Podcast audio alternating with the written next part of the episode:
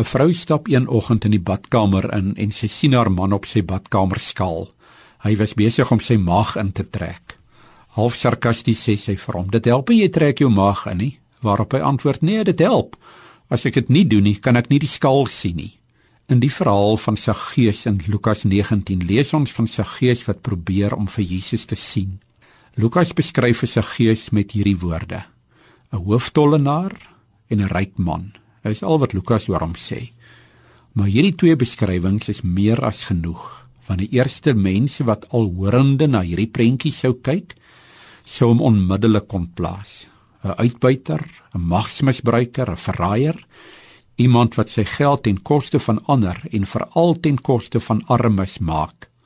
In kort, die soort persoon met wie niemand met integriteit vereensgewig sou wou word nie. Lukas sê Saggeus het probeer om vir Jesus te sien, maar hy kon nie. Daarom gaan klim hy in 'n boom om hom te kan sien.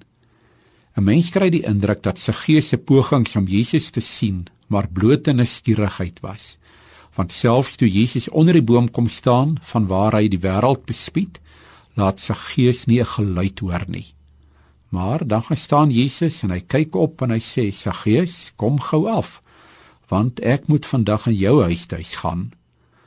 En waar Saggeus in die boom sit en neerkyk op die mense wat onder hom verbyloop, daar stop Jesus en hy kyk op na die tollenaar wat sit en wegkruip.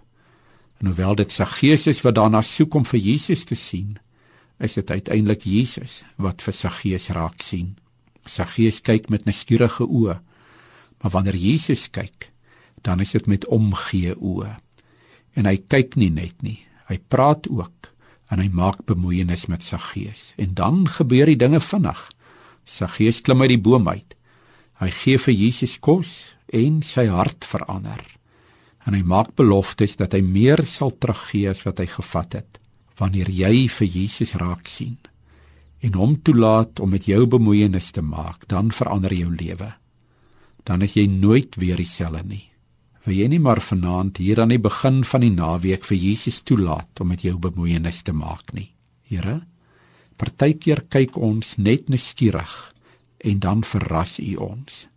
U stop by ons en U nooi ons om saam met U te kuier. Here, gee vir ons die geloofsmoed om so se gees ook vir U raak te sien en ons lewens te verander. Amen.